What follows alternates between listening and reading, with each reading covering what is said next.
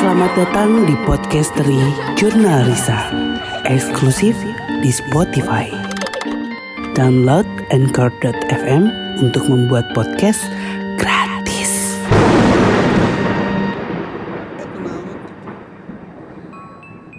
Assalamualaikum warahmatullahi wabarakatuh.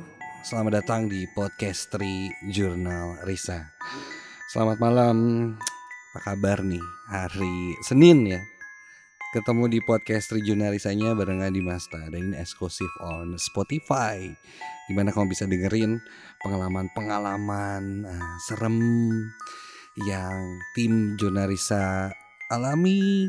Entah mungkin di lokasi syuting Atau di rumah di perjalanan di mana pun itu. Yang pasti ini bukan buat nakut-nakutin tapi hanya share aja pengalaman-pengalaman siapa tahu kamu uh, juga ngalamin hal yang sama pernah ngalamin hal yang sama atau pernah datang ke tempat yang mirip dengan uh, cerita yang dibawain di podcastri Jurnal Risa oke okay.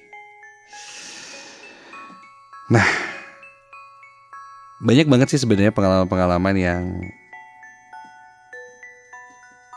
saya pribadi alamin, apalagi yang berkaitan dengan hal-hal mistis.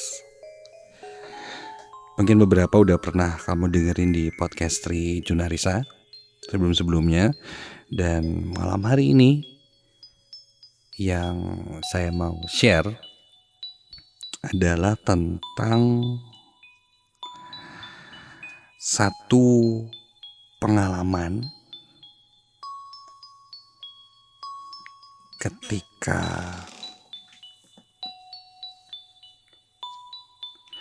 saya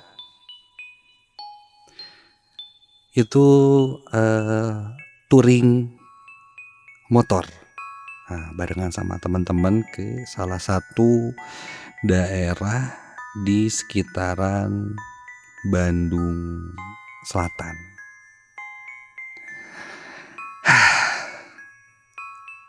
Ini sebenarnya pengalaman yang jarang banget saya ceritain. Atau mungkin belum pernah di share ya di mana-mana. Jadi gini, awalnya tuh biasalah anak-anak uh, ngejakin buat touring yuk, uh, pakai motor bareng-bareng. Nanti kita datang ke satu rumah. Ini rumahnya temen namanya uh, Awan karena dia punya satu rumah di daerah Pangalengan katanya. Kita touring aja dari Bandung ke daerah Pangalengan. Pangalengan Bandung Selatan ya? Iya ya uh, kita touring ke sana. Naik motor berangkat dari uh, Jalan Cipaganti. Kurang lebih sekitar ada 10-12 motor lah kalau nggak salah. Ada yang berboncengan ada yang sendiri-sendiri juga. Ada juga yang naik mobil untuk berangkat ke sananya dan kita berangkat waktu itu pagi-pagi. Jadi masih kondusif lah. Masih happy happy berangkat ke sana naik motor bareng-bareng. Saya waktu itu sendirian nggak ngebonceng. Uh, ada beberapa uh, teman-teman juga yang memang nyusul gitu. Ada yang bareng-bareng gitu. Jadi janjian kita sebelum jam 12 sudah nyampe di lokasi yang dituju. Nah, lokasinya ini sebuah rumah daerah Pangalengan. Saya kurang tahu sih e, nama jalannya apa. Berangkat pagi-pagi kondusif, nyampe sana itu sekitar ya sebelum jam 12 sudah nyampe, kita istirahat dulu ngobrol-ngobrol. Rumahnya ini lumayan nyaman karena saya juga baru tahu ternyata Pangalengan itu uh, di benak saya tuh biasa uh, udaranya biasa gitu kayak Bandung lah agak panas. Ternyata dingin di sana tuh. Nyampe sana sejuk wah enak. Hampir mirip-mirip sama Lembang lah.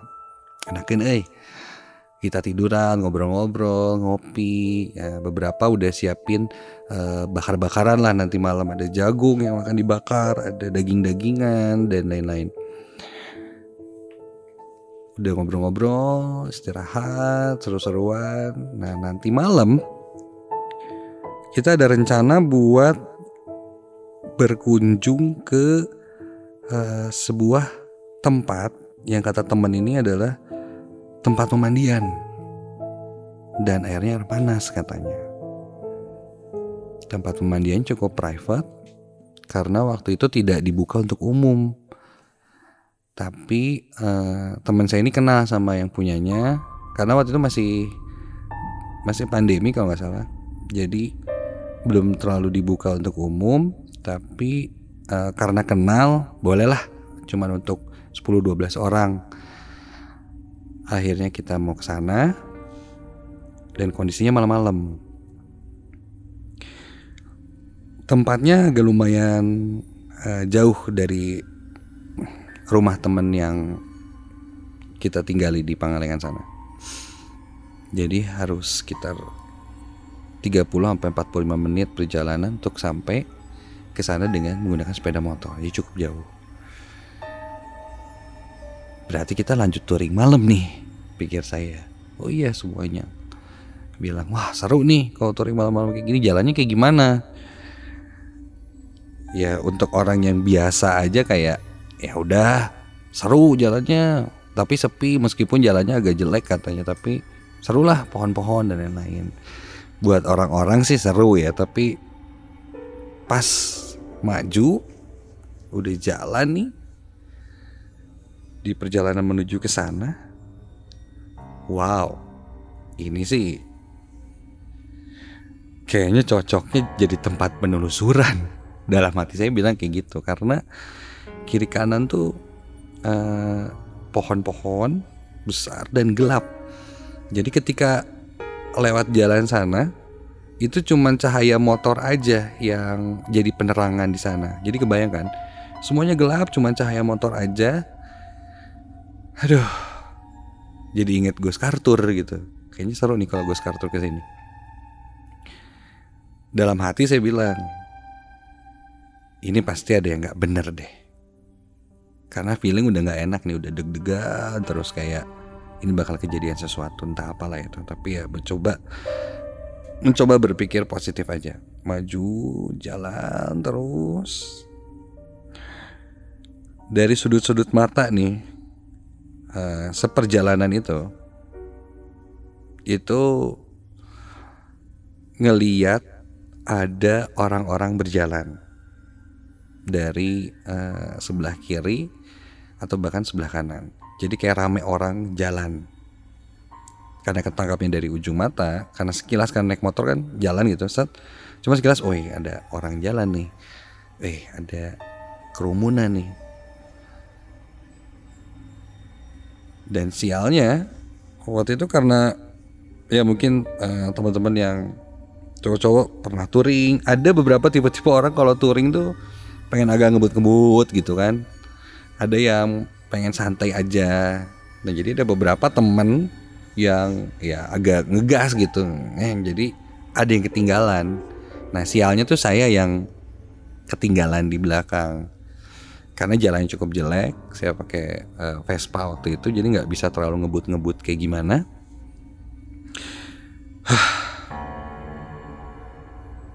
Maju setelah lihat kayak orang kerumunan apa segala macem saya coba yakinin lagi ini sih kayaknya nggak mungkin ada orang karena sekeliling hutan tapi nggak tahu juga mencoba positive thinking. Sampai saya tengok ke belakang.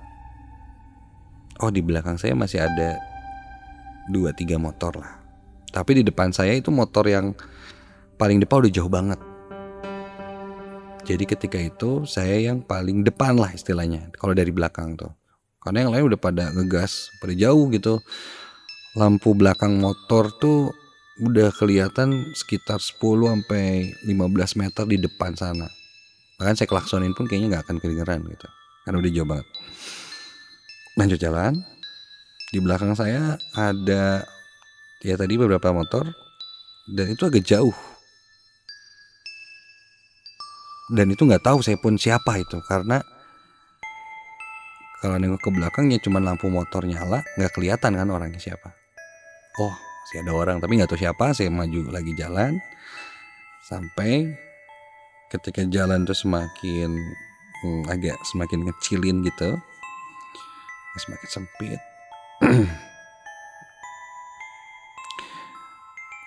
ketika saya mencoba konsentrasi di jalan dan saya tengok lagi ke belakang itu udah nggak ada siapa-siapa.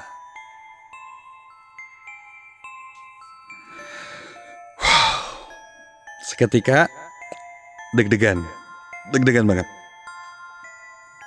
Karena kayak, aduh, ini uh, takut iya, takut nyasar iya. Terus yang lain pada ke mana itu nggak ngerti. Jadi ketika jalan di jalan itu sendirian, itu udah makin gak mau lihat kiri kanan atau apa apa. Saya fokus ngelihat ke depan, fokus ngelihat ke depan. Dan seingat saya tuh nggak ada belokan kiri atau kanan. Apa mungkin ketinggalan ya di belakang sana? Apa saya harus berhenti nunggu sampai yang belakang itu agak merapat ke depan dan bareng-bareng? Atau saya gas terus langsung ke depan nyusul yang lain? Pilihan yang cukup sulit saat itu. Mau berhenti dulu juga takut. Ini kebayangnya sih kayak uji nyali cuma naik motor. Serem banget asli saya tarik nafas saya hembuskan. Coba jernihin pikiran. Ya udahlah saya memutusin untuk maju nggak berhenti. Saya agak ngegas waktu itu. Tapi jalan agak sedikit rusak jadi pasti agak ngerem agak agak berhenti berhenti jadi ada momen ketika jalan jelek berhenti. Ah kiri kanan tuh kayak terlihat jelas pohon apa ada batu di pinggir dan lain-lain. Sampai di satu momen tuh ada kayak polisi tidur tapi cukup besar polisi tidurnya. Pas lagi berhenti karena nggak mungkin digas kan polisi tidur pergi berhenti ke pelan-pelan pas lagi naik blek gitu. Di sebelah kanan ya berarti di kanan itu di seberang saya itu kayak ada gundukan kebayangkan di pojok di pinggir jalan itu ada gundukan entah batu atau apa, tapi dia tertutup kain. Warnanya putih, lusuh, kotor. Aduh, deg-degan nih saya ceritanya. Ntar. Karena itu kebayang banget. Ada gundukan tuh saya masih ingat. Gundukan itu di sebelah kanan. Saya mikir, aduh ini sampah mungkin ya yang ditutupin sama kain terpal yang gak kepake putih apa segala macam karena udah kotor banget. Dan kainnya atau gundukannya itu itu bergerak-gerak. Dan gerakannya itu nggak nggak pelan. Nggak gerak itu pelan-pelan nggak tapi gerakannya itu cepat dan itu nggak wajar. Kayak gerakan cepat kayak bergetar si uh, gundukan yang entah apa itu saat itu. Bergetar hebat. Sampai saya nggak mau lihat lagi saya tancap lagi saya hajar si polisi tidur. Brok brok. Sampai ada bunyinya. Dan yang paling malas saya si gundukan ya Allah. Aduh. Gundukannya itu hmm, kayak apa ya bahasa Indonesia-nya tuh? Bergerak melayang tapi uh, langsung menghilang gitu. Kayak melesat hampir lewat ke depan motor saya dan tiba-tiba menghilang begitu aja. Jadi intinya si gundukan putih itu tiba-tiba terbang dan langsung hilang kayak nggak ada jejaknya wush. Dan seketika itu juga tercium bau bangkai. Ya menyengat sepanjang jalan itu. Saya langsung tancap gas. Karena udah nggak bener dan ini udah fix banget. Makhluk halus. Saya langsung tancap gas dan ketika itu saya pengen bawa handphone sebenarnya untuk nelfon teman-teman saya di mana gitu posisi lokasinya masih jauh apa enggak. Karena sepanjang jalan yang saya lihat itu cuman pohon aja kiri kanan itu. Nggak ada bangunan nggak ada lampu nggak ada tempat untuk berhenti. Atau bahkan anak-anak lain yang di depan tuh nggak nungguin gitu kan itu aneh. Dalam hati saya udah mikir wah saya disasarin. Ini pasti jalan nggak? Nggak sejauh itu. Pasti nyampe nya cepet gitu. Tapi ini kok makin panjang dan kayaknya tuh berulang-ulang di situ. Dengan pemandangan yang sama. Sudah udah nggak mikir ini jalan benar tapi ini mungkin saya disasarin saya berdoa dalam hati. Saya berdoa terus dalam hati sampai nggak jauh di depan sana ada kayak uh, dibilang pos ronda bukan tapi dia kayak saung atau gubuk gitulah. Dan itu satu-satunya yang ada lampu menyala saat itu. Wah warnanya remang-remang kuning gitu. Saya deketin. Alhamdulillah nih. Saya doa terus kan akhirnya nemu sesuatu yang terang di situ. Ketika dideketin ternyata bukan lampu tapi lebih ke uh, apa tuh patromax ya jadi lampu tapi dibakar uh, ya pakai minyak gitulah lampu minyak gitu digantung di pinggir dan di sana saya lihat ada uh, orang berkumpul. Bapak-bapak hmm, ya usianya tidak terlalu muda juga. Ya makanya saya bilang bapak-bapak karena sudah cukup berumur lah udah agak tua. Ada tiga orang di sana. Dan semua terlihat normal pakai baju biasa gitu. Ya saya nggak terlalu merhatiin sih detail bajunya. Yang pasti dia pakai kaos ada yang pakai polo shirt ada yang pakai sarung. Ya sewajarnya orang mau meronda lah. Atau entah itu ronda atau apa. Saya berhenti. Akhirnya saya tanya punten Kang Pak kalau eh, pemandian air panas yang dekat sini berapa jauh lagi ya Pak saya bilang gitu terus si bapak-bapak ini bilang kalau pemandiannya itu udah kelewat. Ah, udah kelewat. Iya, ah, udah. Kalau bahasa Sundanya kayak gini. Terus kaliwat jang, atau mah di pali ditu. Kedana tadi pas di sebelah sana tuh belok ke kanan. Jadi pemandiannya udah kelewat, ada belokan ke kanan katanya tadi itu. Cuman saya bilang, tapi pas saya nggak ngelihat ada belokan apa-apa saya jalan lurus terus tiba-tiba ketemu ini oh nanya katanya kenapa ya gini gini gini uh, salah satu bapak itu bilang ayah nu aneh tuh. Cina. Ada yang aneh-aneh nggak? Lihat apa gitu. Saya awalnya nggak mau cerita cuman karena mungkin ini bisa jadi apa ya hmm, bantuan mungkin ya. Akhirnya saya cerita.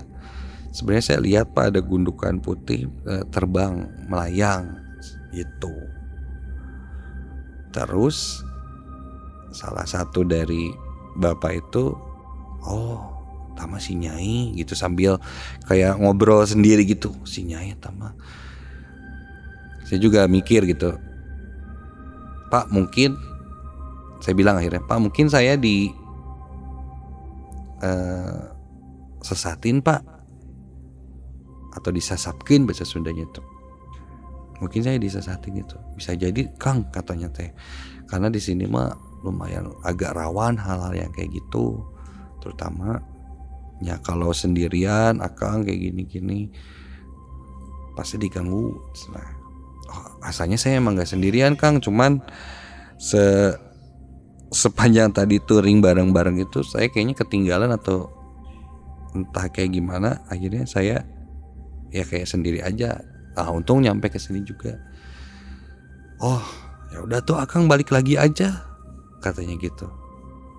Balik lagi? Iya balik lagi aja kang nggak jauh dah dari sana. Nah, hati-hati kang bisa ketemu si nyai lagi katanya tuh kayak gitu. Oh ya udah tuh. Akhirnya saya menguatkan diri untuk kembali lagi ke tempat yang tadi di mana berarti saya harus ngelewatin lokasi saya ketemu gundukan itu. Ya udahlah Bismillah aja. Saya balik lagi. Makasih Kang. Ya pamit balik lagi agak cepat saat itu dan pas balik lagi di jalan ke arah balik itu saya ngelihat ada cahaya-cahaya dari depan sana. Uh, ada motor juga nih. Untung nggak sendirian. Hah, mungkin ada orang lain atau kayak gimana itu. Ada beberapa motor lah dari depan saya pas papasan ngeng. Itu itu bikin kaget lagi sih. Itu teman-teman saya yang di belakang. Yang tadi beberapa motor di belakang saya itu ternyata baru papasan saat itu. Tak. Eh ke mana ya? Mereka nanya kayak ini kita ke mana saya tadi ketemu orang di, di depan sana eh, kelewat di belakang sebelah kanan. Ah nggak ada. Di belakang mah jalannya eh, lurus terus. Eh kok masih? Gimana ini? Jadi bingung kan? Ya udahlah akhirnya kita balik lagi ke depan menuju ke pos yang eh, tadi yang ketemu orang itu. Saya ajakin ya udah ke depan kita tanya lagi. Karena nggak terlalu jauh. Balik lagi. Saya paling depan lagi. Saya bilang e, jangan berjajar uh, satu-satu lah dua-dua gitu biar ada kiri kanan ada orang. Kita jalan. Dan ini aneh banget sih. Pos yang tadi saya ngobrol sama bapak-bapak dan ketemu itu udah nggak ada. Nggak ada. Dan saya ingat banget nggak terlalu jauh soalnya. Dan harusnya ada pos di situ. Dan itu nggak ada nggak ada orang sama sekali. Nggak ada. Posnya pun nggak ada. Lampu menyala yang saya lihat kuning tuh nggak ada. Ini makin bikin saya bingung gitu. Teman-teman saya kayak gimana ini? Karena udah banyakan saat itu saya telepon akhirnya uh, teman saya yang tadi ada di depan si Awan ini Wan gimana Wan? Kita nyasar nih ketinggalan soalnya tadi pada ngebut bla bla bla. Ini lokasi di mana sih? Akhirnya di share location. Uh, kita ngikutin si lokasi yang di share di WA jalan lurus terus. Akhirnya Singkat cerita kita sampai di tempat uh, pemandian private itu. Sampai dan orang-orang udah nunggu lama gitu. Dari mana? Oh, iya tadi nyasar gini gini. gini. Akhirnya saya cerita sama Wan, ada warung kan? Eh bukan warung ya, kayak ada pos ya di deket situ kan. Pos apa? Tadi saya ketemu orang ngumpul Nanya malah saya disuruh balik lagi Katanya pemandiannya di belakang. Gak ada perasaan gak ada pos Ada. Jelas banget ngobrol. Ini mah bentuknya juga orang nggak nggak serem gitu. Dan ketika ini ketemu disuruh balik lagi. Nggak jauh katanya sebelah kanan. Harusnya belok ke kanan berarti di situ ada belokan Dim, kata Wan bilang, Gak ada belokan. Yang pasti jalan ini memang lurus terus. Dan sebenarnya gak terlalu jauh. Makanya kenapa bisa sampai sejam kalian teh di jalan Itu juga gak tahu. Dan pemandiannya ya Ya di sini gitu. Gak belok-belok memang ada di pinggir jalan ini. Memang ini jalan motong kalau dari arah jalan besar cukup jauh memang muternya jauh banget lah. Ini jalan motongnya emang jalannya sepi kayak gini. Tapi kalau di belakang sana mah nggak ada pemandian. Tapi kalau pemakaman umum ada. Dang. Oh ya udah. Fix. Berarti malam itu saya memang diganggu oleh sosok-sosok jahil yang sering ngejailin orang ketika lewat situ malam-malam. Terima kasih udah dengerin podcast dari Jurnalisa dan yang pastinya tungguin podcast podcast selanjutnya dari tim Jurnalisa yang lain dan apa pun yang uh, kamu dengar malam hari ini ambil baiknya, buang yang buruk-buruknya. Mungkin pesannya sih, ketika kita dalam perjalanan ke mana pun dan di mana pun itu, tetap harus positive thinking. Karena yang bikin saya mungkin diganggu ketika lewat situ, dari awal saya udah berpikir hal-hal yang enggak-enggak.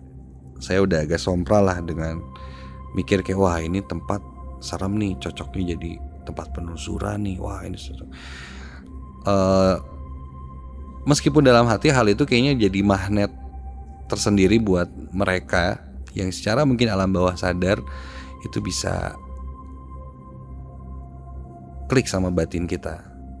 Jadi ketika yang ada di pikiran kita hal-hal seperti itu, yaitu seakan terpanggil dan memanggil mereka untuk membuktikan bahwa yes, mungkin tempat ini memang seperti apa yang kamu pikirkan. Terima kasih. Dimas pamit. Assalamualaikum warahmatullahi wabarakatuh.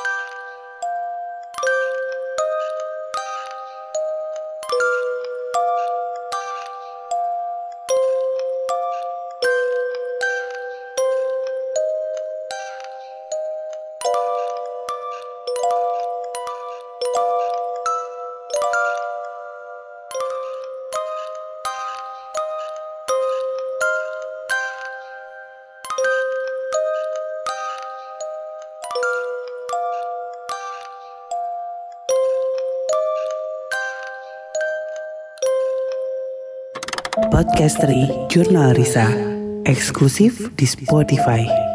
Download Anchor.fm untuk membuat podcast.